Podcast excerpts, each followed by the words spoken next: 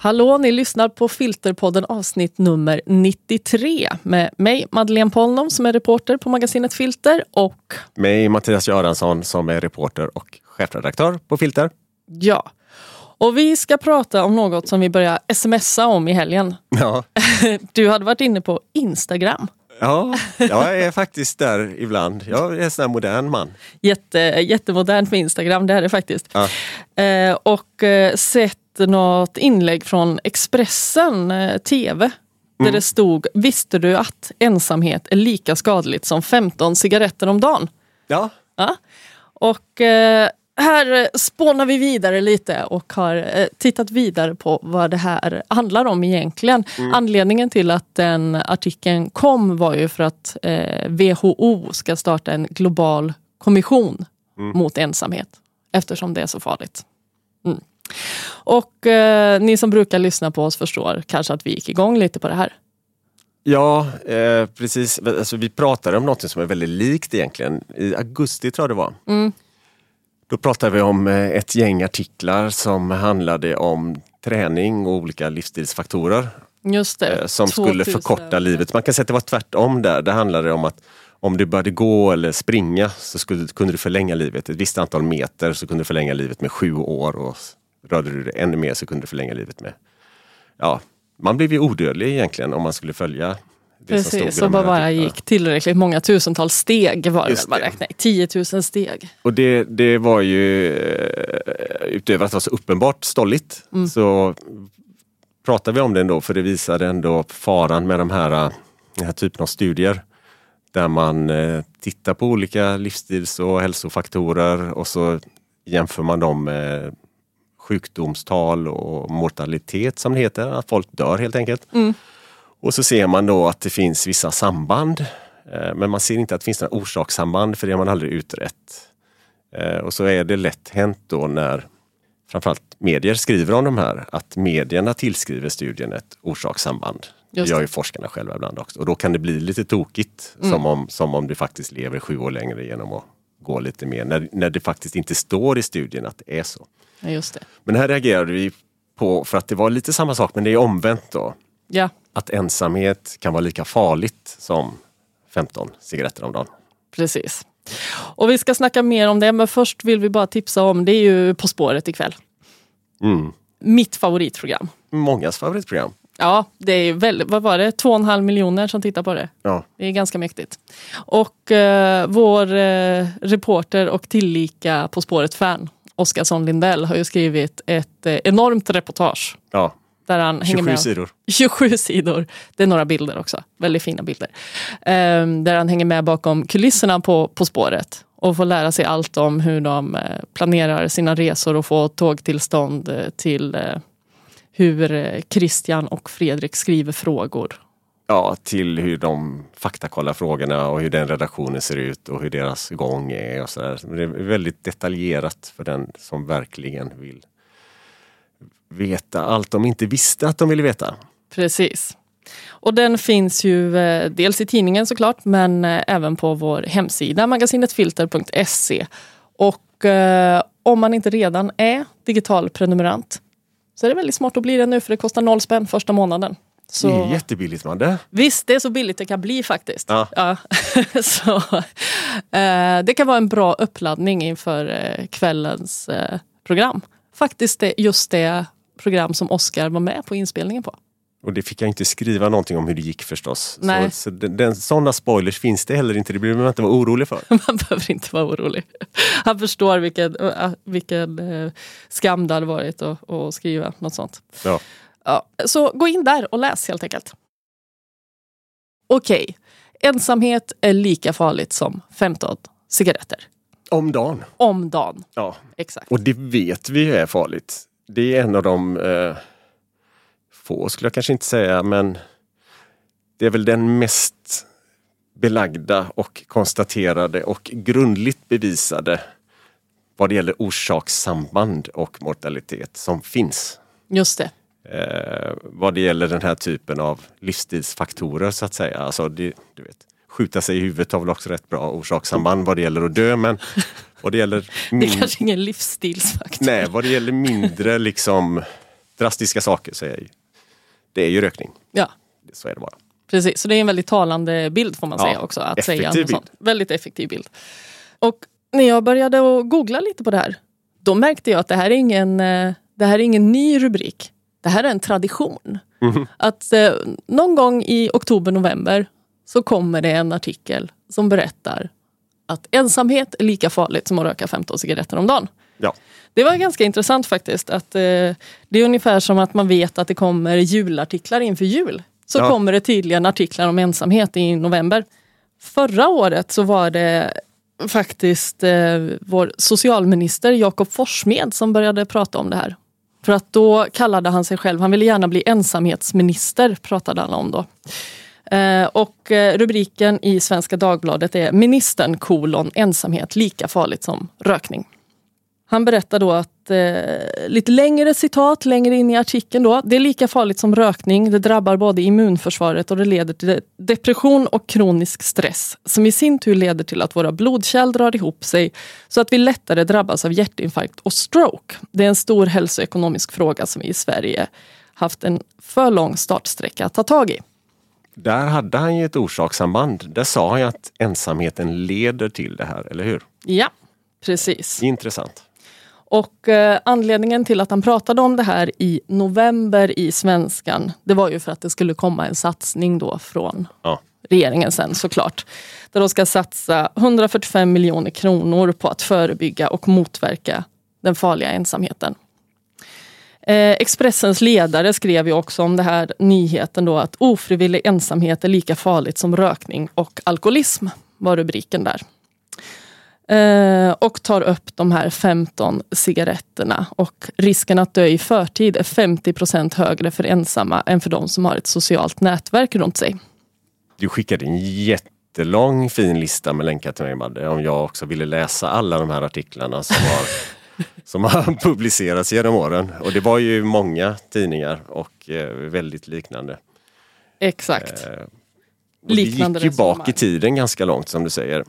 Det gick bak i tiden långt. Alltså det finns, eh, ja, men 2017 har vi ett exempel från DN. Det handlar om, egentligen handlar det om människor som dör ensamma och hittas så två år efter. Men då pratar det också om, om eh, den farliga ensamheten och risken att dö i förtid lika stor som 15 cigaretter om dagen. Och så vidare och så vidare. Och jag tror jag lyckas hitta ursprungskällan här. Det tror jag med. Eller hur? Det var en, eh, en metastudie som gjordes 2010. Precis, det var då det började. Det var då det började. Och den har du satt tänderna i. Det tvingade du mig att göra. Exakt. Ja. Nej, men det här har ju pågått i 13 år och eh, jag tror du har hittat källan. Och eh, det är då en studie från Brigham Young University i Utah i USA. Det var i alla fall en eh, professor som heter Julian, alltså det här, ska man säga det på engelska bara för hon bor i USA, hon heter Holt Lundstad. Oh, ja, Förmodligen ett danskt namn från början. Holt Lundstad. jo, men vi vet ju inte hur många generationer bak. Så Nej, säg det på engelska inte. du. Okej, Julian Holt Lundstad, eller hur de nu säger. Hon eh, ledde då ett forskningslag som gjorde en eh, metaanalys av 148 olika studier som hade gjorts genom åren. Eh, hon hänvisar i sin tur till eh, en första banbrytande studie från 1988. Så det här har nog pågått egentligen sedan 88. Då började man titta på det här med samband mellan ensamhet och dödlighet. Eh, och hon tyckte det var dags att nu går vi igenom alla studier som har gjorts sedan 88.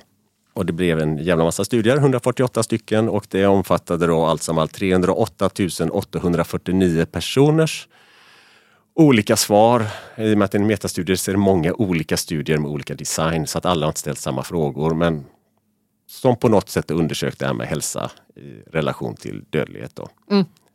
Förlåt, Eller ensamhet. ensamhet i relation till dödlighet. Ja. Och mycket riktigt då som det har upprepats nu i 13 år så kom de fram till att eh, det var ungefär 50 procent. De gjorde någon slags överslagsvärde generellt. Eh, så så de, den som har, eller så här. För den som har liksom starka sociala relationer med andra människor. Där ser man att eh, de har 50 procent mindre risk att dö i förtid. Typ. Okej. Och det här är ju som sagt, eh, egentligen kan man tänka sig att det inte är så konstigt som vi pratade om med de här uh, livsstilsfaktorerna vi pratade om i somras. Mm. Eh, då gällde det ju att, att den som inte rör sig mycket och den som inte tränar mycket, att den har högre dödlighet är ju statistiskt självklart egentligen. Mm. Jag menar, är du sjuk Ja. eller om du till och med är död ja, så kan du inte träna det är svårt. och då bidrar du inte till den statistiken. Eh, Så det känns rätt självklart och med ensamhet borde det ju vara också rätt självklart att om du är sjuk eller mår dåligt eller är deprimerad eller så har du ju per definition kanske inte så många livaktiga sociala relationer. Nej. Så det statistiska sambandet känns ju inte så långsökt kanske. Nej. Det fanns ju en annan förklaring också att eh, du kanske inte har lika många som uppmanar dig till att söka vård om du visar vissa symptom. Du kanske inte får lika snabb hjälp om du drabbas vid ett akut sjukdomstillstånd i hemmet så är det ingen som märker det och sådär. Nej, det har jag inte tänkt på men det har du rätt det, Det är också, det, det är också en faktor som kan spela in och, och Ja. stärka den här statistiken. Så egentligen, den här studien eh, hittar ju inga orsakssamband egentligen, utan det är bara samband. Mm. Men det som gjorde att den här fick ett sånt stort genomslag tror jag, och, så, och skriver de också om det här med, de skriver faktiskt själva i studien att, att eh, det är väldigt svårt att se några orsakssamband och den här studien kan inte visa några orsakssamband. Och så skriver de också att kring problemet hur skulle vi designa en studie som hittar orsakssambanden? Då skulle man liksom få ta slumpvisa grupper som man påtvingar ensamhet. Eh, och jättesvårt och jättekrångligt och vilka skulle vilja göra det? Och så ska de vara påtvingade ensamhet i sju, åtta år för att det ska vara med. Att, du vet, det, blir, det är jättesvårt. Det är svårt. Och det har, har hon ju helt rätt i, Mm. Holt Lundstedt. Eh, och, eh, men så skriver hon bortsett från det ändå.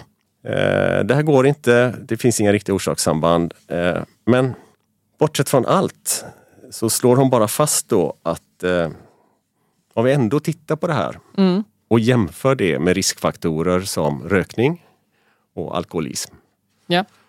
så ser vi att det har en lika stor effekt.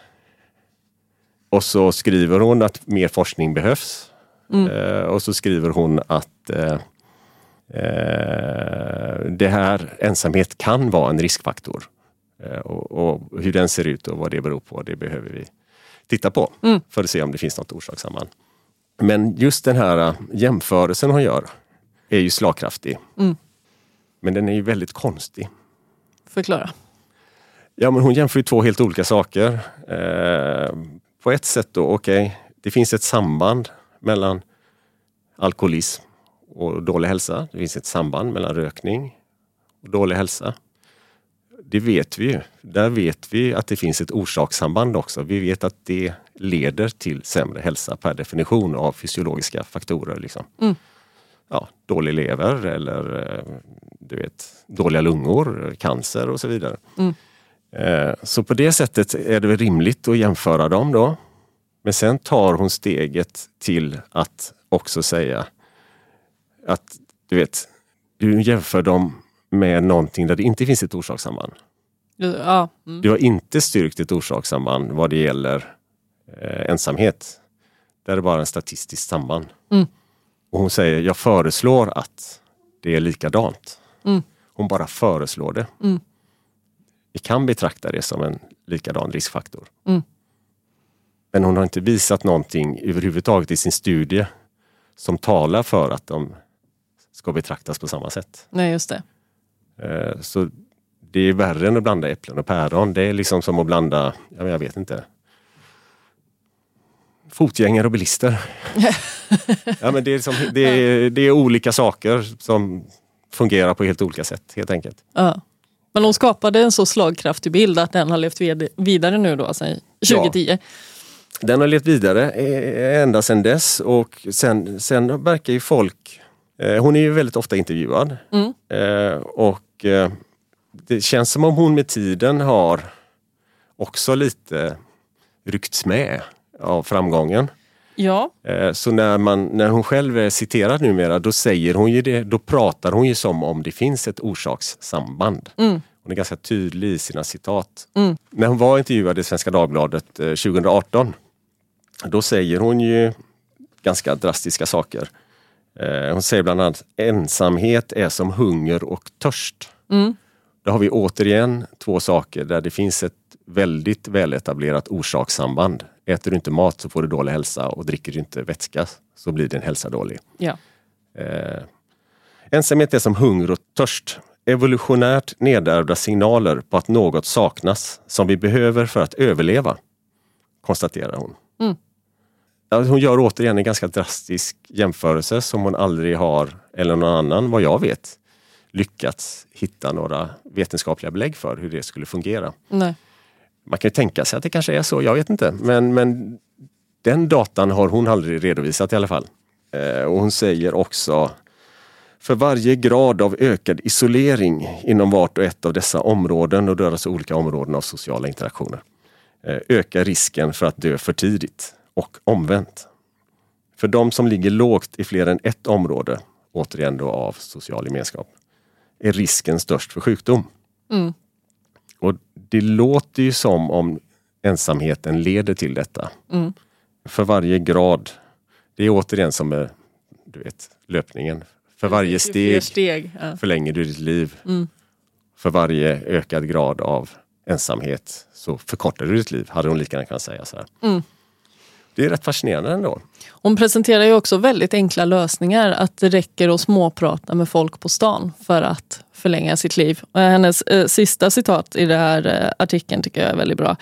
Sociala kontakter behöver bli en del av en hälsosam livsstil och det är aldrig för sent att ändra sina mönster. Vi kan börja vidta åtgärder direkt i detta nu. Det kan minska risken för en för tidig död i framtiden.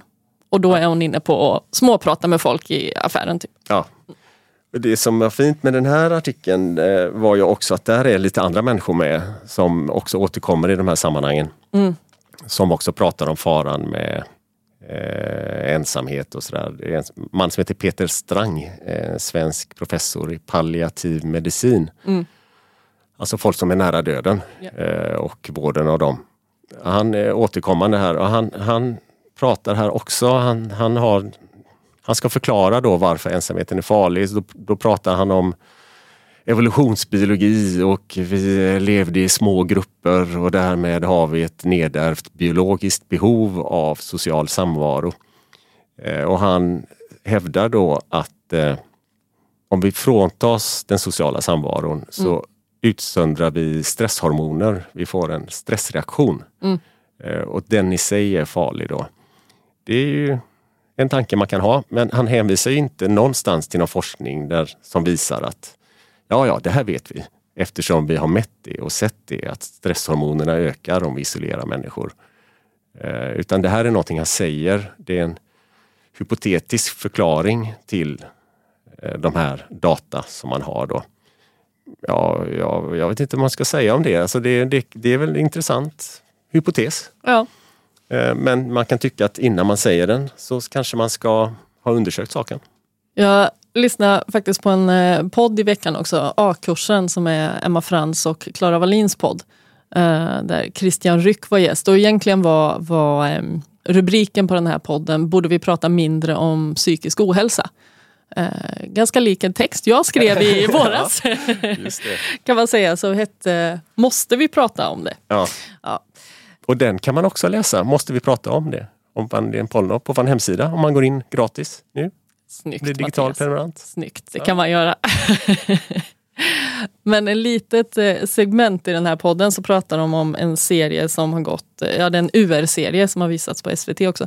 Som heter Min ångest och jag. Där olika kända människor har pratat om sina problem tydligen. Jag har inte sett den här själv.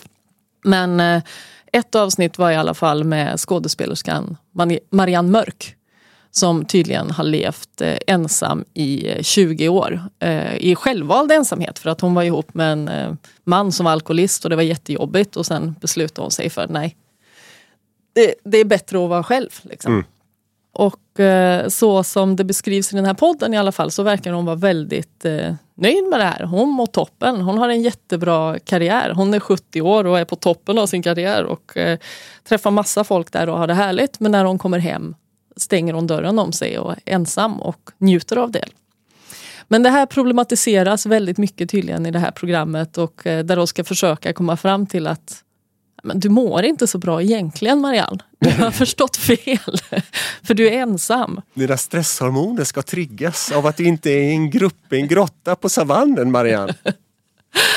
Och eh, det de pratar lite om det då är hur man liksom patologiserar ett normalt tillstånd helt i onödan. Hon, hon är självvalt ensam. Det är inte en sjukdom hon har drabbats av Nej. utan hon har gjort ett val i sitt liv. Och eh, det där hänger lite ihop med vad jag skrev om i min text ju. Eh, där det handlade om hur psykisk ohälsa har blivit ett sånt vitt begrepp att man patologiserar normala tillstånd helt enkelt. Det var ju en eh, australiensk psykologiprofessor, Nick Haslam, som eh, 2016 lanserade en, en ny term, concept creep, eller konceptglidning översatte vi det till svenska.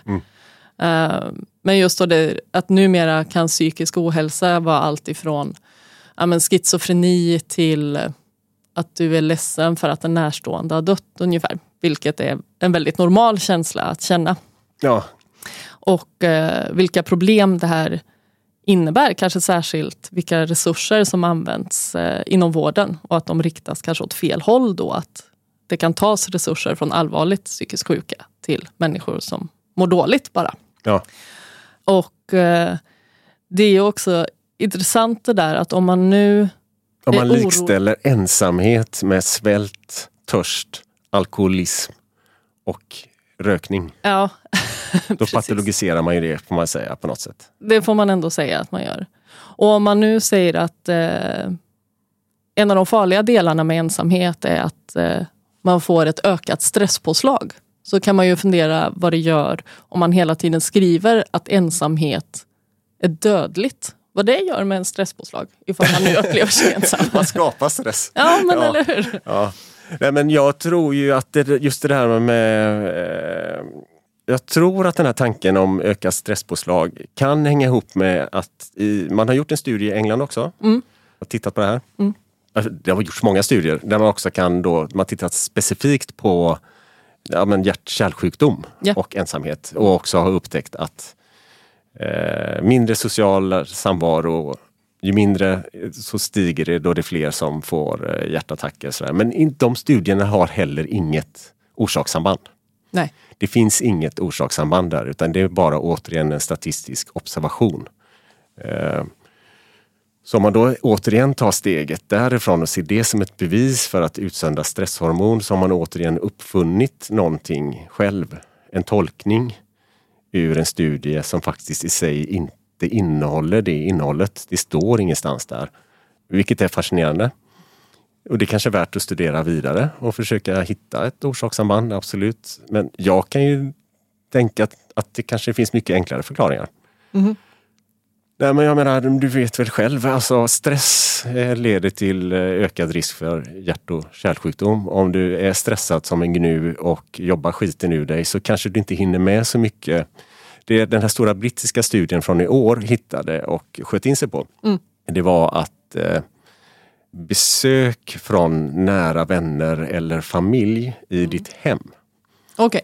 Eh, De har, de- den är rätt rolig. De har liksom skjutit in ensamhet och delat upp det. De har verkligen fileat det till en massa olika sorters ensamhet och så har de liksom masserat data på massa olika sätt. Men just det där då, eh, det är de som inte får något besök av en nära vän eller familjen eh, eller har en familj som besöker dem på en månad.